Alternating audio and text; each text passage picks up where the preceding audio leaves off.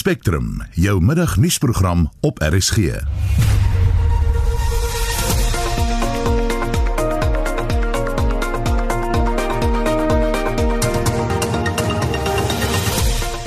die program die Mottiseen se ontvoerders het glo nog nie kontak gemaak met die gesin nie.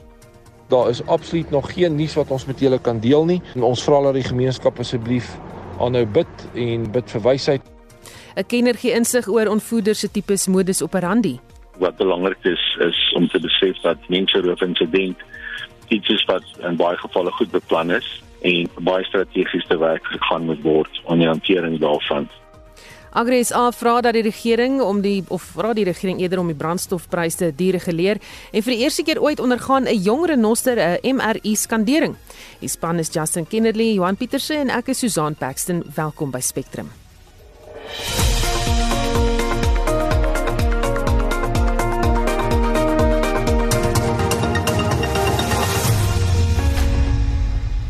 6 minute oor 12. Welkom terug by Spectrum. Die polisie en selfs inwoners van Polokwane soek steeds na die vier seuns van 'n sakefamilie in die stad wat Woensdag op pad skool toe ontvoer is. Esie de Klerk doen verslag. Die Motti gesin se woordvoerder en prokureur, Philip Smit, sê die kinders se pa is 'n bekende sakeman in Polokwane. Smit het gister gesê daar is bevestigde inligting dat die ontvoerders outomatiese wapens in hulle besit gehad het. Dit lyk dat dit dalk gekoppel kan wees aan 'n losprys eis tipe van misdaad. Hy sê dit is onbekend waar die seuns is en geen nuwe inligting is al van die ontvoerders ontvang nie. Daar is absoluut nog geen nuus wat ons met julle kan deel nie. En ons vra dat die gemeenskap asseblief aanhou bid en bid vir wysheid en insig en dat ons hierdie saak suksesvol en positief kan oplos en laat almal veilig sal wees. Die voormalige Wes-Kaapse hoof van die polisie se gijslaar onderhandelingsspan, Herman Bosman, sê dit is van kardinale belang dat familielede van meet af die polisie en mense met kennis oor menseroof onderhandelinge betrek na so 'n insident en dat hulle korrek optree. Wanneer so 'n insident aan hulle bekend raak deur beeldmateriaal of deur 'n rapport wat hulle ontvang met 'n oproep van die persone self betrokke, is dit wel van kritiese belang dat hulle nie uitgaan op social media en, en ander tipe platforms en begin berigte uitstuur rondom die insident nie. Ek dink wat baie keer vergeet word is dat die kriminele ook daardie berigte monitor en ook sien wat uitgaan wie betrokke raak en wat gekommunikeer word. Hy sê die polisie het gespesialiseerde menseroofeenhede wat hierdie gevalle hanteer. Ek dink wat belangrik is is om te besef dat kidnapping of 'n Afrikaans menseroof insident iets wat in baie gevalle goed beplan is en baie strategies te werk gegaan moet word om die hantering daarvan. Bosman sê dit wissel van geval tot geval oor hoe vinnig ontvoerders met die familie of die polisie in verbinding sal tree. In sekere gevalle word daar baie vinnig kontak gemaak binne dieselfde dag of twee, maar daar is ook gevalle bekend waar weke verbygaan voordat daar kontak gemaak word. Dit hang van verskeie faktore af van die bepaalde groepering betrokke in die insident. Bosman sê amptelike polisie statistiek toon aan dat sowat 6000 mense oor die afgelope paar jaar in menseroofverwante misdade betrokke was en dat mense om verskillende redes ontvoer word. Ek dink in my hoofsaak word daar meestal lospryse geëis tans. Ek dink nie algemeen word daar gedink mense roof is een soort misdaad en daar's net een tipe. Daar's verskeie tipes en daar's verskeie oogmerke met die verskillende tipes. As dit gaan oor geld, dan uit die aard van die saak is die fokus daarvan iets soortgelyks aan geldwaarde, maar dit kan ook vir ander doeleindes wees, soos byvoorbeeld inligting en ook die seks aan die slaafhandel. Hy sê die emosionele impak op die familie en die slagoffer is ongelooflik traumaties. Ek dink nie in my meer as ongeveer 30 jaar polisie diensloopbaan is daar iets wat vir my meer traumaties is vir die familie wat die slagoffer is en vir die persoon wat geneem is as 'n menseroof geval nie. Met die gevolg dat my aanbeveling vir die gemeenskap en as iemand iets soos betrokke sou raak, is om so goed moontlik die beste kundigheid op die gebied te kry om die familie by te staan en die korrekte prosesse in plek te stel. As sekere aksies verkeerd geloods word van die begin af, kan dit die proses baie baie vergemoeilik um, later in die hantering van die proses. Dit was die voormalige Wes-Kaapse hoof van die polisie se gijslaar onderhandelingsspan, Herman Bosman, en ek is Estie de Klerk vir SAK nuus. Die Outomobielassosiasie voorspel dat die brandstofprys volgende maand met tot 99 sent per liter kan styg en die prys van diesel met R1.42 sent. Dit het Agri SA genoop om die departement van minerale bronne en energie te vra om die brandstofprys te dereguleer. Ons praat nou met die uitvoerende direkteur van Agri SA, Christo van der Rede. Goeiemiddag Christo. Middag Susan en middag aan alle luisteraars. Kan die stygings in die brandstofprys voedselsekuriteit bedreig? Inderdaad, uh, boere bevind hulle in 'n uh, erge koste kniptang. Uh, want dit is nie net uh, petroleum wat styg nie, ons sien ook uh, daar's massiewe stygings in kunsmispryse, onkruiddodes, oor ook verpakking. Uh, daar's ook uh, elektrisiteitskoste uh, uh, stygings en dan het ons ook geweldige koste of stygings in arbeidskoste vroeër die jaar gesien.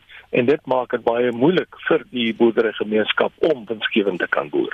Julle voorstel is dat die brandstofprys gedereguleer moet word. Wat bedoel julle daarmee? Kyk, die die brandstofprys word uit vier dele saamgestel. Die eerste gedeelte uh, is die algemene uh, petroleumheffing.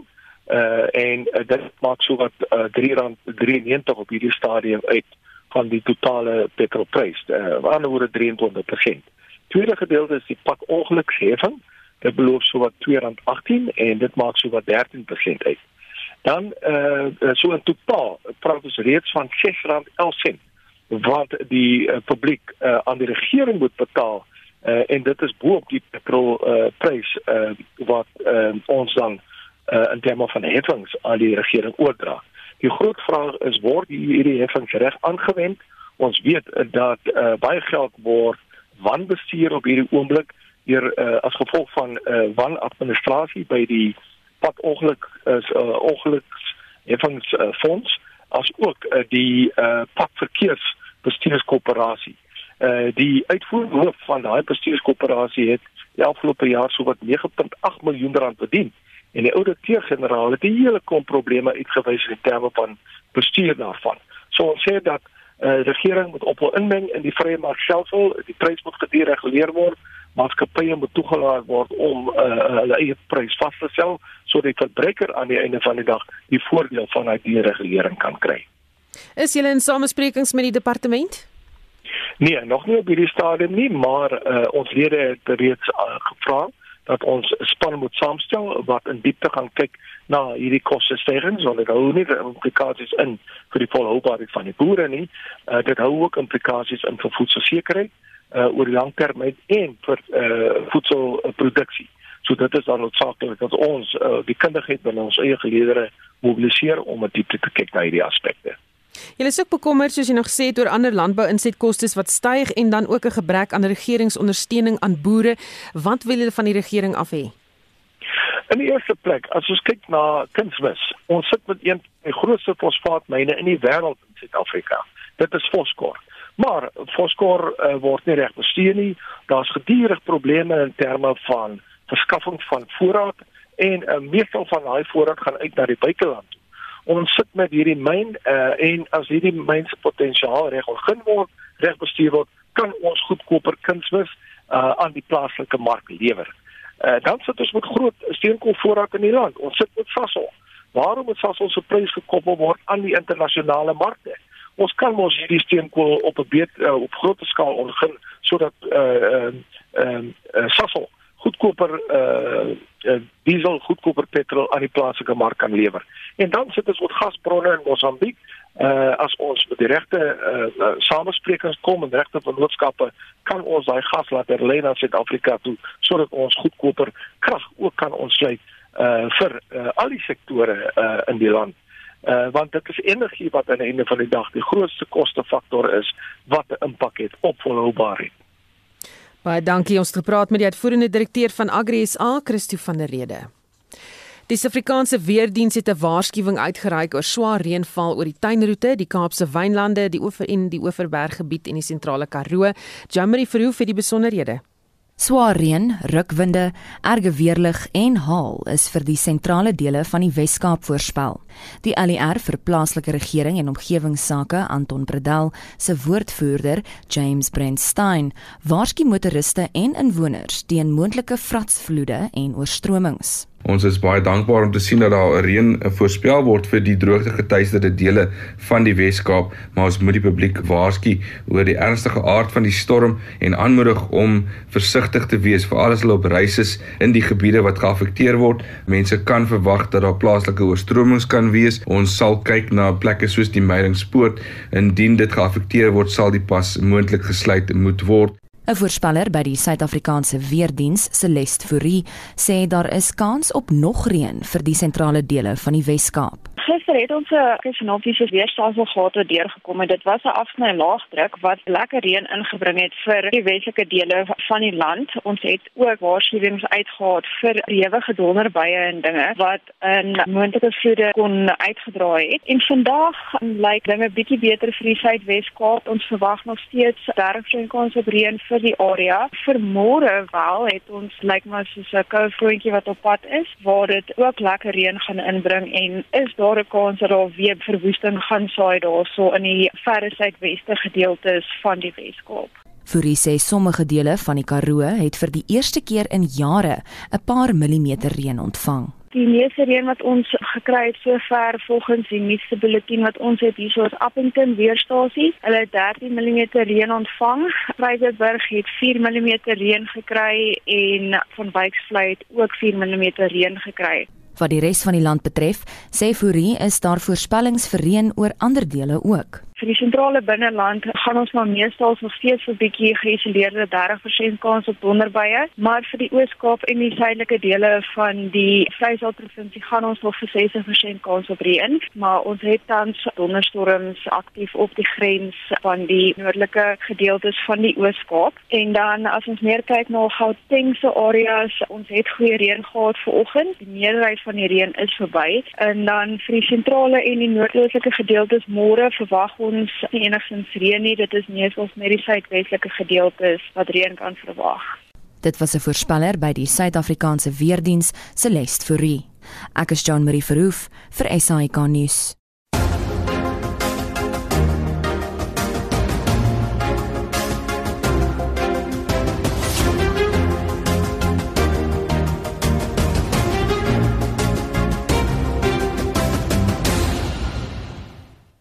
17 minute oor 12 verkiesingsnuus. Die IDM-leier generaal Bantu Holomisa sê koalisieregerings is die sleutel tot goeie dienslewering in plaaslike munisipaliteite. Hy het gisteraand in 'n onderhoud met die SAIK gesê Suid-Afrika se geskiedenis het ons geleer dat 'n enkelparty meerderheid tot korrupsie bydra. Annelie Jansen van Vuren berig. Die IDM is in 1997 gestig toe Holomisa en ander lede van die ANC weggebreek het. Dan is die IDM die sewende grootste party in die parlement met twee lede in die nasionale vergadering. Op 'n tyd het die IDM 14 lede daar gehad. Al het die party steun verloor, sê Olemisa dat hulle nie van die toneel af gaan verdwyn nie. Hy sê hulle rekord om korrupsie te bekamp getuig daarvan. The UDM from the start it has been betting on a wicket of anti corruption and promoting the ethics of good governance. And I'm happy that at least we managed with other opposition parties to force that there be a commission of the state capture, which was recommended by the public then public protector Tulima Tonsela. So the people of South Africa now are aware, and I think that campaign has been reinforced by even other political parties, including the ruling party, to say, indeed, there is misuse of government funds. So I'm not worried about that. Instead, I'm celebrating. Olomisa kritiseer Suid-Afrika se strafregstelsel en sê die stelsel lei eintlik aan geheueverlies. Hy gebruik die saak teen die Franse wapenmaatskappy Thales en die voormalige president Jacob Zuma as voorbeeld. It was not Zuma alone who benefited in the arms deal. We all know that. What happened to the list of people who received Mercedes-Benz cars? There were many of out of that deal. Secondly, if you look at the way that transaction has been handled, we're focusing only on Zuma and uh, and, and, and the French company. We are not saying he must be exonerated, But we are saying, why applying a, why are you suffering from a selective amnesia? What about the rest who benefited in the arms deal? There are many of them. The issue of people who have been accused of corruption, the National Prosecuting Authority, they've got a bunch of docket, but they are not being charged. So I'm saying, therefore, it would appear that the criminal justice system, not judges, seems to be suffering from a selective amnesia. In die onderhoud met die SAIK het Olomiso beklemtoon dat hy nie belangstel in die kabinet of soortgelyke posisies nie. Volgens hom is hierdie tipe posisies slegs 'n manier om politici om te koop. Die verslag van Zoleka Kwandashe in Johannesburg en ek is Anne Marie Jansen van Vuren vir SAK nuus.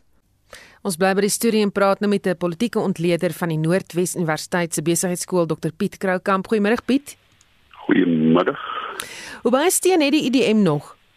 Verskriklik min. Hulle daal omtrent elke verkiesing. Ek dink die laaste syfers wat ek gekry het, hulle 0.45 steun gehad in die, in die provinsie. So dit is uh dis 'n dis 'n tannende verskynsel. Ek dink Olomisa som dit eintlik baie mooi op dat hulle funksie is eintlik maar 'n vorm van oorsig. Met ander woorde, hulle kan wys op korrupsie, hulle kan wys op swak bestuur. En hoekom hy 'n belangrike faktor in daai verband is, is hy natuurlik 'n lang geskiedenis van verhoudings met mense binne die ANC. So amper soos wat die media baie keer misbruik deur inligting te voer na die media in 'n poging om sinema politieke voordeel binne hulle eie party te kry in die faksiegevegte.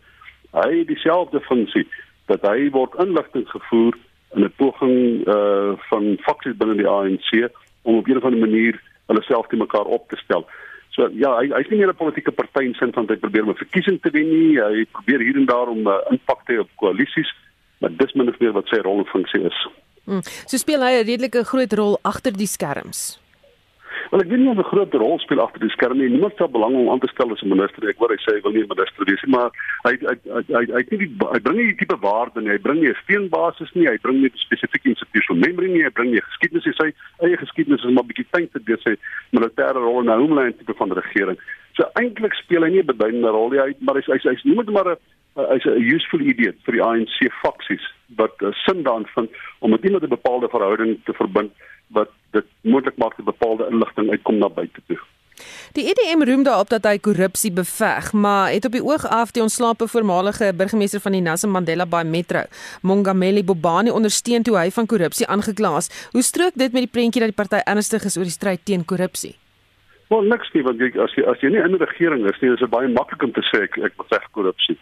As jy binne die regering is uh, en dan moet jy natuurlik nou die goods produce en toe hulle deel van Kuberga geword het, was dit baie duidelik dat hulle geen belang daarbey veral nie hulle nie aan nie. Ek weet Ethel Trolle het male sonder tal dit letterlik onder uh, uh, sy neus vir hom gevryf. Hier is die korrupsie van Bobani besig om die stad lam te lê en hy het absoluut niks daaraan gedoen nie. Hy het sy vendetta teen Ethel Troll tot die bitter einde gevoer en Bobani en die korrupsie beskerm in Kuberga. Hy het geen kredietwaardigheid as dit kom by die veg van korrupsie nie. Baie dankie. Dit was 'n politieke ontleder van die Noordwes Universiteit se besigheidskool Dr Piet Kroukamp.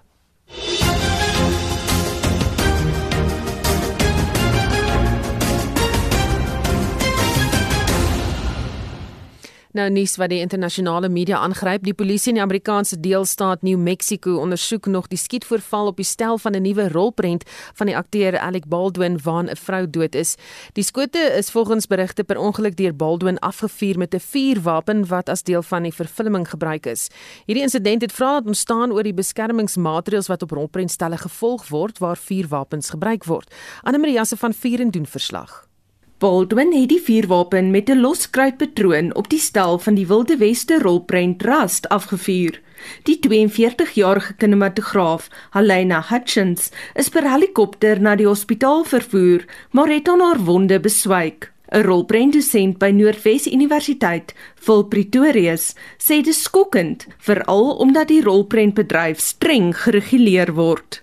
Die vuurwapen experts wat aangestel word op hierdie stelle is baie baie goed gereguleer en daar word vereis dat daar 'n vuurwapen veiligheidskoördineerder in elke film aangestel word waar daar enigsins 'n vuurwapen gebruik word. En dan natuurlik kan daar verskillende tipe vuurwapens gebruik word. Daar is die props of die rekwisiete waar 'n spesifieke wapen nie noodwendig 'n regte wapen is nie en dan natuurlik word daar regte wapens gebruik waar daar in gevalle naby skote is en dan 'n wapen miskien afgevuur moet word en dan word daar dan ook van blanks gebruik gemaak waar 'n wapen afgevuur moet word en dan 'n geluid moet maak en hulle dalk 'n vuur wil sien wat voor by die loop moet uitkom en daarvoor word daar dan ook gebruik gemaak van hierdie spesifieke blank en die poeier wat gebruik word dan word toegestop binne in hierdie ammunisie.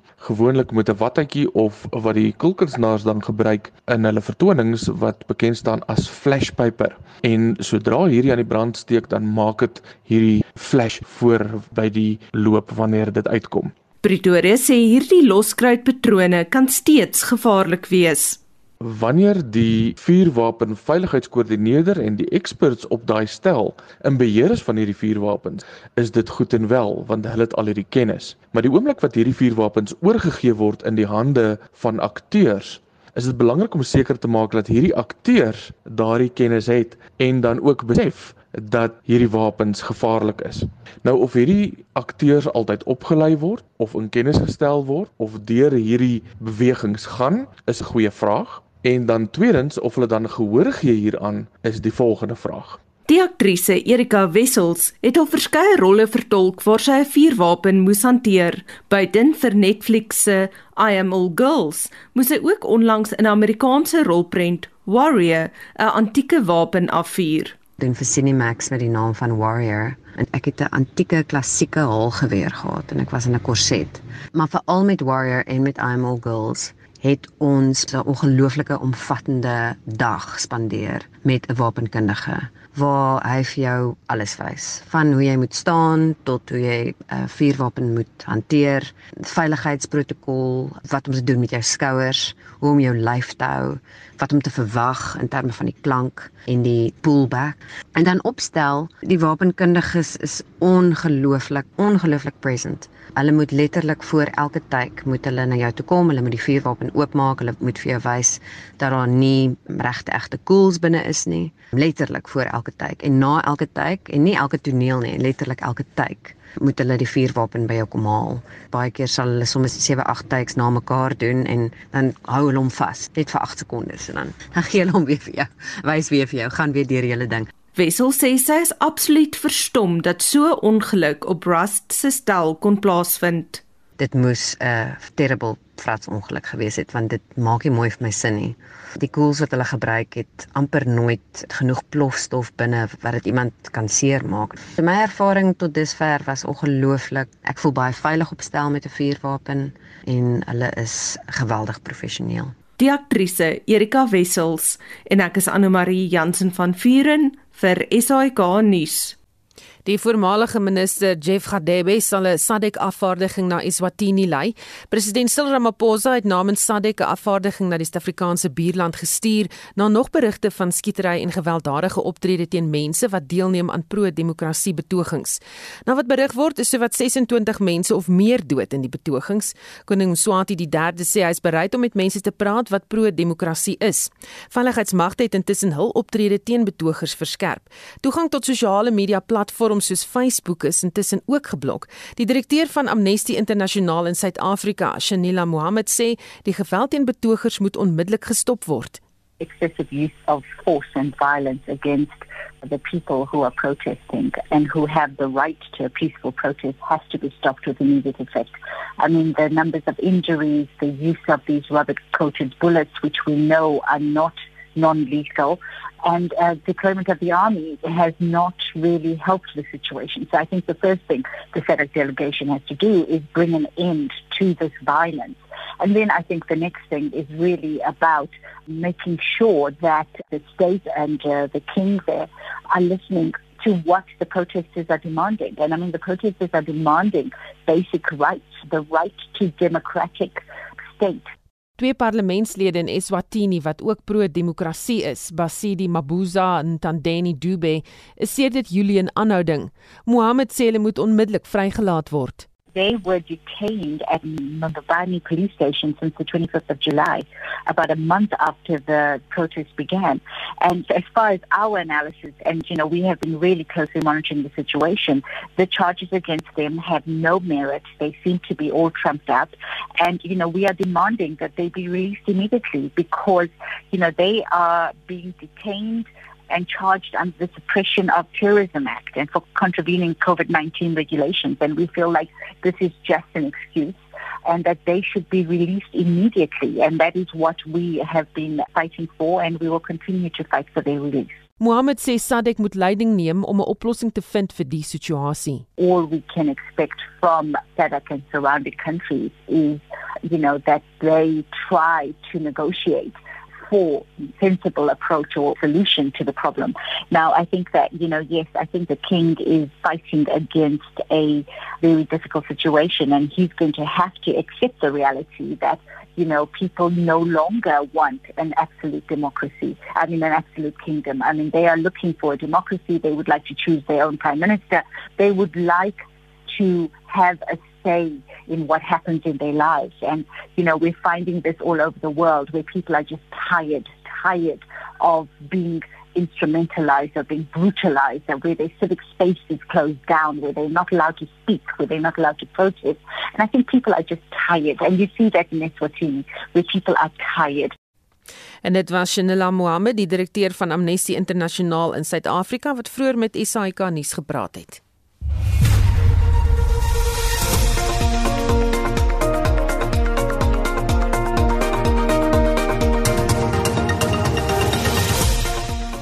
Later in die program die regering maak sy verwagtinge bekend vir die COP26 klimaatsberaad. South Africa will in Glasgow be encouraging all parties to voluntarily submit their low emissions development strategies. En ons leer meer oor Oz die renoster se MRI skandering en die voordele wat dit inhou vir ander renosters. Bly ingeskakel.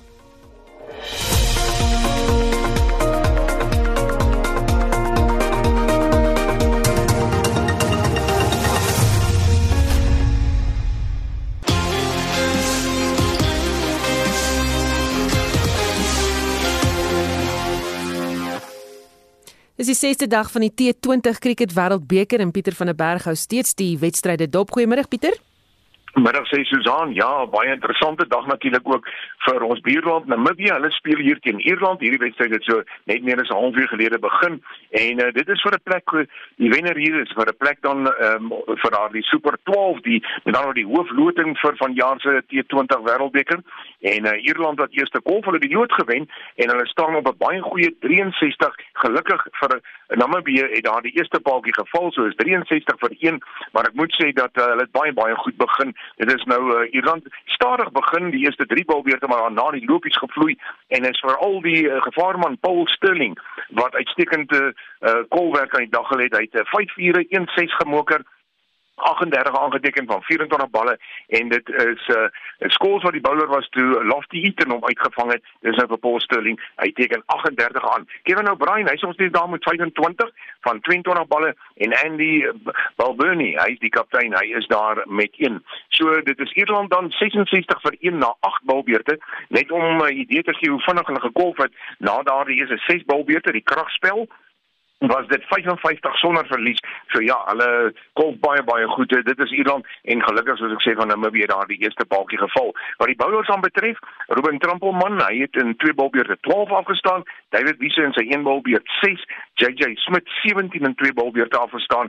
Dan Jan Freinding in sy een balbeurt 12 afgestaan en dan Bernard Skols. Hy het daar die balkie gekry en uh, hy het in twee beurte 19 afgestaan. So 66 vir 1 na 8 beurte en ek uh, dink dat Namibië sal beslis nog 'n paaltjie of 2 3 vinnig moet kry om hierdie telling uh, binne beheer te hou en laag genoeg dat daar op die einde van die dag daar die telling deur Namibië gejaag kan word. Later vanmiddag is dit uh, wedstryd nommer 12, die laaste wedstryd in die groepfase en dis Nederland teen Sri Lanka. Sri Lanka reeds deur na die Super 12 toe en in Nederland, hulle speel maar net, hulle het reeds twee wedstryde verloor. Hulle speel maar net hulle laaste wedstryd en uh, so dit is uh, van nie van kardinale belang wat in daardie uitslag dan van daardie wedstryd gaan weer nie gebeur nie. Dan hier plaaslik in die uh, T20 reeks in Suid-Afrika, KAIS al se T20 provinsiale reeks as die Dolphins en die Knights wat kragtig gaan uitspook. Dit begin oor so 22 minute van nou. Dis in Kimberley en ons sal deur die loop van die middag ook ons luisteraars op hoogte hou van gebeure in hierdie wedstryd om te kyk wie word dan eh, die kampioen as kampioen gekroon van hierdie T20 beker in Suid-Afrika. Sal dit die Dolphins wees of gaan dit die Knights wees? Maar die nuus dan wat eh, die wedstryd op die oomblik aan betref Ierland teen Namibië. Dit is uh, Ierland wat staan op 66 vir 1 na 8.1 balbeurte. Namibië, hulle soek paaltjies en ons sal deur die loop van die middag ons luisteraars op hoogte hou van gebeure. Susan, daarmee terug na jou in die ateljee. Baie dankie, dit was ons sportkorrespondent Pieter van der Berg.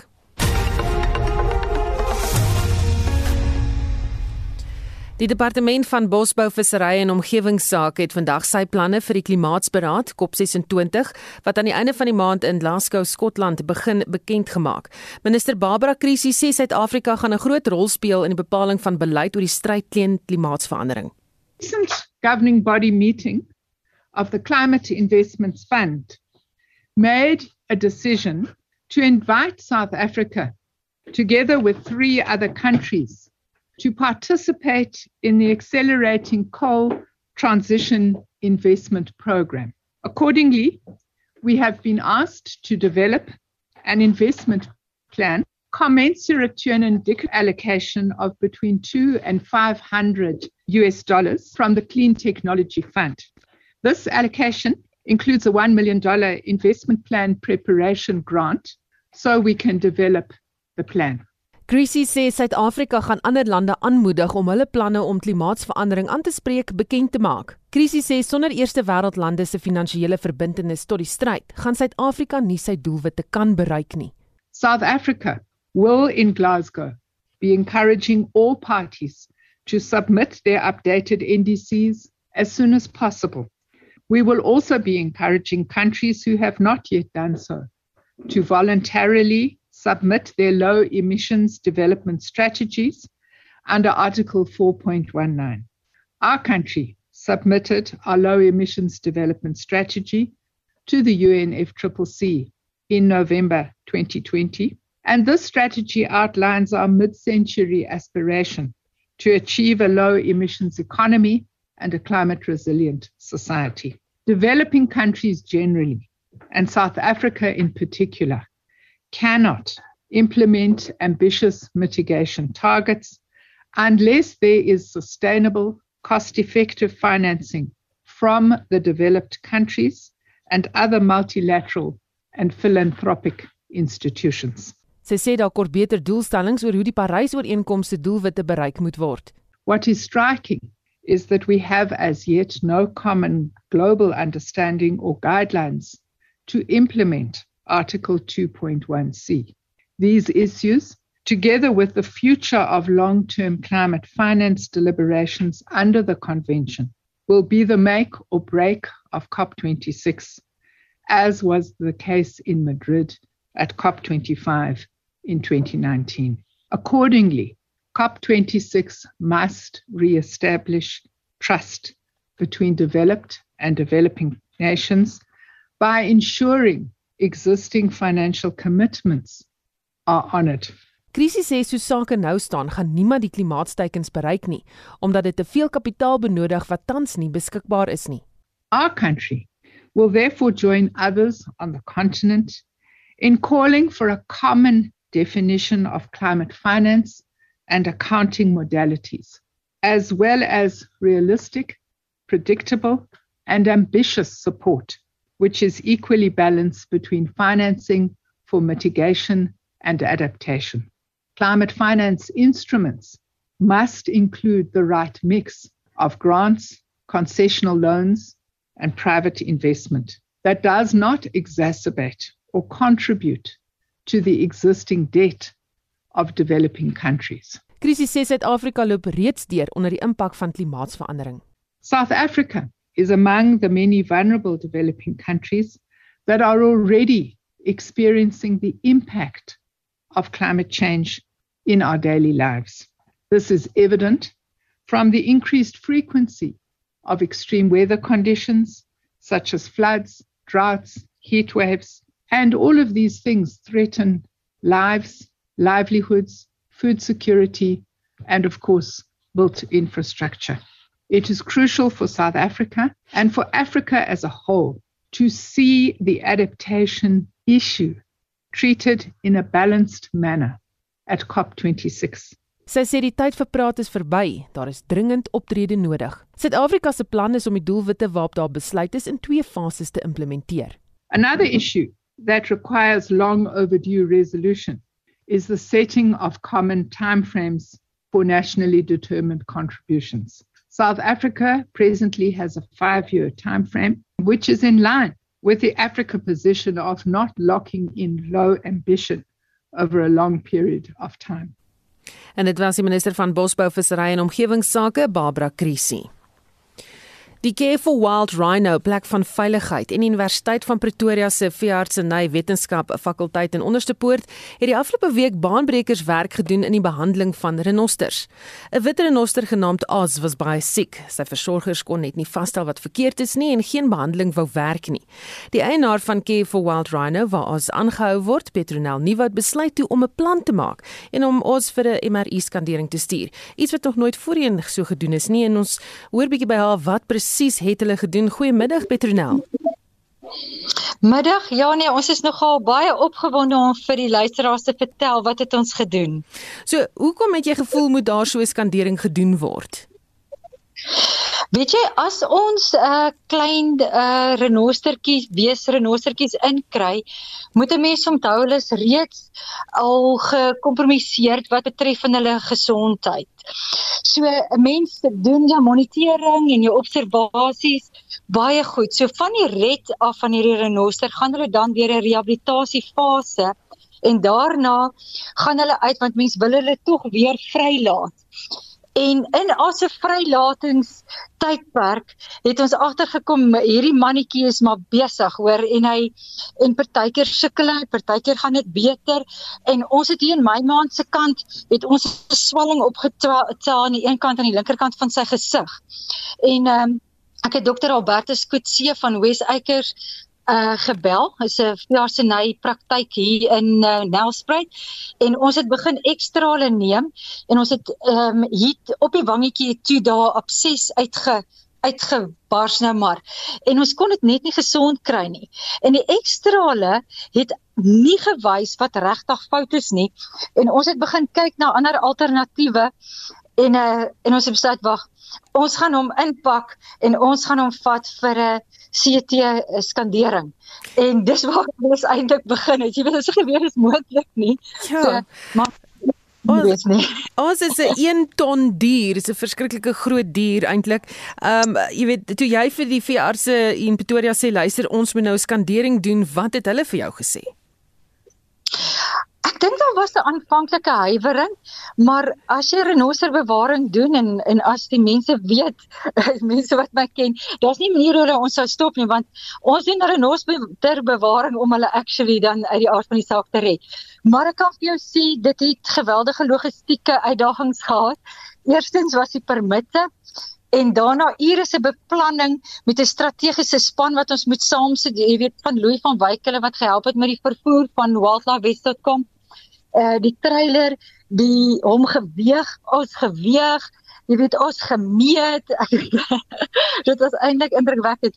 En toe kraantrok gekry uh dinsdagoggend baie vroeg om mense op 'n kraantrok gelaai en toe oor na voertuig toe en daarna gevat na geweldige indrukwekkende Bouma fasiliteite, gespesialiseerde Bouma fasiliteite by Onderste Poort waar uh, Dr. Jaco Del en professor Steenkamp en hulle span gehelp het. En toe het uh, ek actually maandag gery, dinsdagoggend vroeg ehm um, het ons begin. So almal het eintlik min gestel want onthou, ons moet ook seker maak die sekuriteit aan daai kant was reg. Jy weet dit is uiteindelik daar kom het ons nou vir ons van hulle boumas afgestap het in die pad. Dis waar die middels inkom en uh, eh, Dr. Jaco daar met die farmakologie en hom toe binne naby die teater uh laat lê en hom toe op die trollie laat lê so dit dit was regtig indrukwekkend en toe om toe in die die CT kamer instoot waar hulle dan hierdie skandering doen. En uh, ons moes hom op sy ruggie laat lê soos die mense gesien het dorsa en kussings langs die kante insit en hom sy nekkie uittrek om hom mooi daarin te kry. So dis waar ons maar hier op die plaas moes meet en seker maak die mannetjie pas daarin. So dit was 'n trollie en 'n half om my om my dier daar te kry hoor. Dit was regtig indrukwekkend. Petronel, en wat doen ons in hierdie hele proses? Wie jy, ek moet sê die span wat met hom gewerk het, die narkotiseers as ook dokter Albertus, dokter Jocko Down in daai span van van uh regtige ehm um, mense wat weet wat hulle doen op die grond het hom so mooi hanteer. Weet jy wat uh ek kan net vir jou sê as ek dink aan aan hoe ons dit gekry tot hy daar lê en dok, dokter Gareth hulle dan die narkose gedoen het was ongelooflik. Hy was baie rustig want ons het vir hom eeplex ingesit en ons het sy oogies toegemaak maar op daai stadium was hy reeds besig met die narkose. Ja. Hierdie is uiteindelik 'n baanbrekerswerk. Vertel ons hoe dit die hantering en behandeling van renosters in die toekoms gaan verbeter weet jy om te meet is om te weet. Uh renosterbewaring is nie net sekuriteit nie. Dit is wetenskap ook. Uh dit is 'n veterinêre veld. Dit is waar ons kennis moet hê van die onderwerp waarmee ons werk. Jy weet, dis een ding om die diere uit die veld uit te red, maar as hy uh, wonde het of as hy beseer het, moet ons tog ook weet wat dan wat om dan te doen om hom weer terug te kan sit in die veld.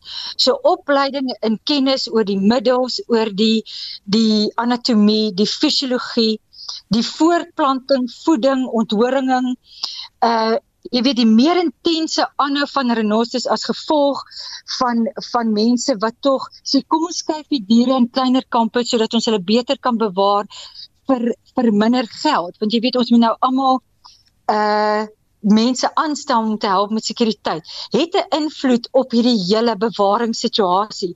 So die visie is uit die aard van die saak om wit en swart renosters te red van uitwissing. Ja. En hierdie is deel van die gereedskap in die gereedskapboks. Ons moet meer uitvind van hierdie ikoniese spesies. Uh sodat ons beter voorberei is om dan as daar iewers so dier inkom met ondervinding hom weer terug kan sit op sy pad. Baie dankie. Dit was Petronel Nuwa, die eienaar van Care for Wild Rhino. Gaan kyk gerus op die Monitor en Spectrum Facebook bladsy vir foto's van hoe dit gelyk het en wat met ons gebeur het.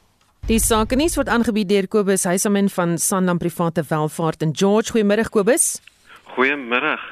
Wêreldmarkte is hoër na mate vrese oor die Chinese eiendomsmark afgekoel het, terwyl beleggers fokus plaas op koöperatiewe verdienste. Ons sewe knie in Europa is hoër met verdienste van L'Oréal wat verwagtinge oortref het. Die FTSE 100 in Londen is 0,55% hoër en die DAX in Frankfurt is 0,75% hoër. Die Amerikaanse termynmarkte verhandel laer nadat tegnologiemaatskappye laat gisteraand gemengde resultate bekend gemaak het. Na gister se bloedbad is die JSE vandag 0,85% hoër met die algemene indeks staan 66620. Die voortou word hoofsaaklik deur myngroepe en groot industriële maatskappye geneem. Kyk ons na die SIP indekse. Die finansiële indeks is 0,13% hoër Die industriële indeks is 0,73% hoër en die hulpbronne indeks is 1,5% hoër. Omset vir die dag staan op 3,5 miljard rand. Wenners vir die dag is Aspen wat vanoggend bekend gemaak het dat 'n ooreenkoms bereik is met Akino Pharma waar Akino ses produkte van Aspen gaan oorneem vir 1.8 miljard rand. Aspen verhandel 1.15% hoër teen R247.90. Sasol verhandel ook 2.3% hoër teen R261.37. Onder die verloders is Netcare wat 'n handelsoorsig uitgereik het vir die finansiële jaar tot einde September. Die maatskappy verwag verdienste 11 na 12% hoër. Netcare verhandel 3.8% laer teen R15.87 en Westec plc verhandel 0.23% laer teen R65.81. Die rand verhandel sterker teen die vernaamste wisselkoerse en is R14.59 teenoor die Amerikaanse dollar, R16.99 teenoor die euro en R20.14 teenoor die Britse pond. Eindig ons met die hulpbronne.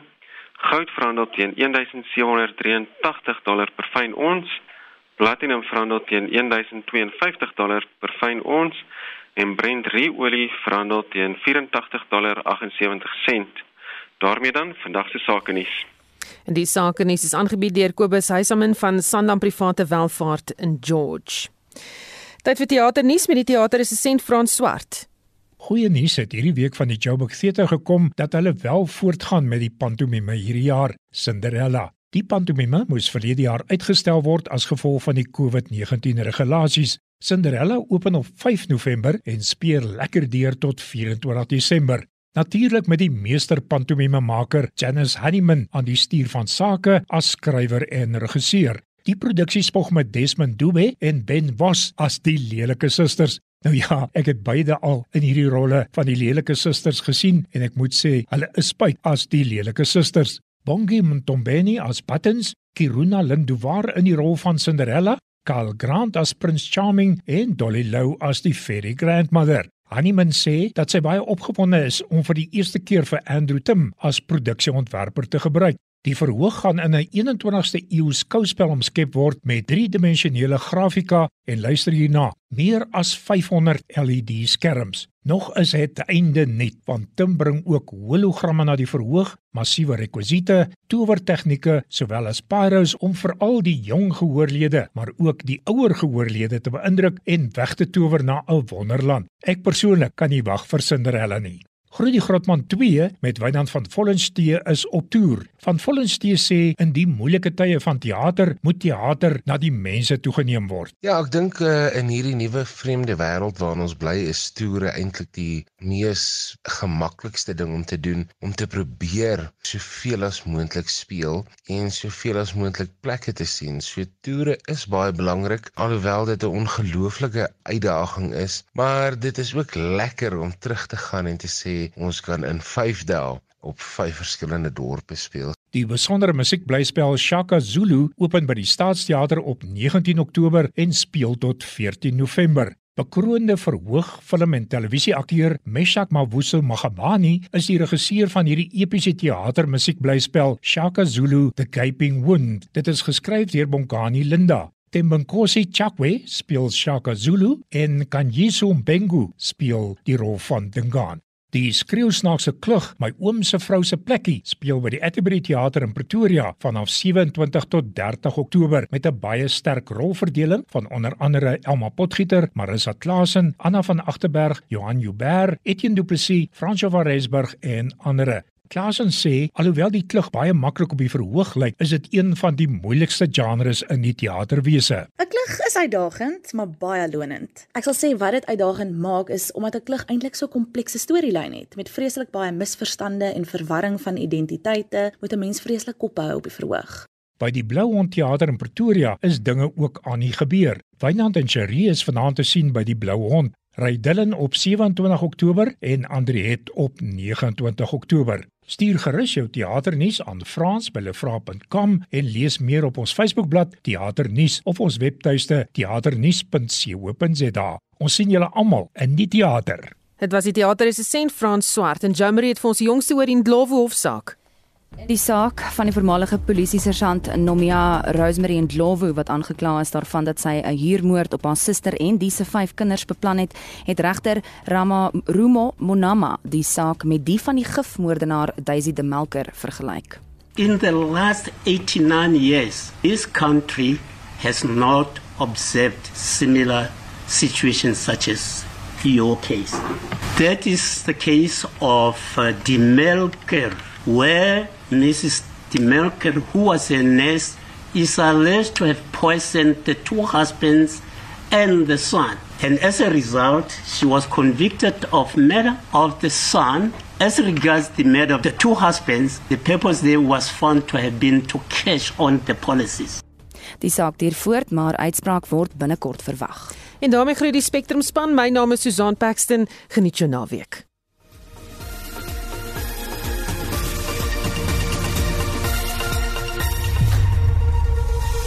SAK nuus. Onafhanklik, onpartydig.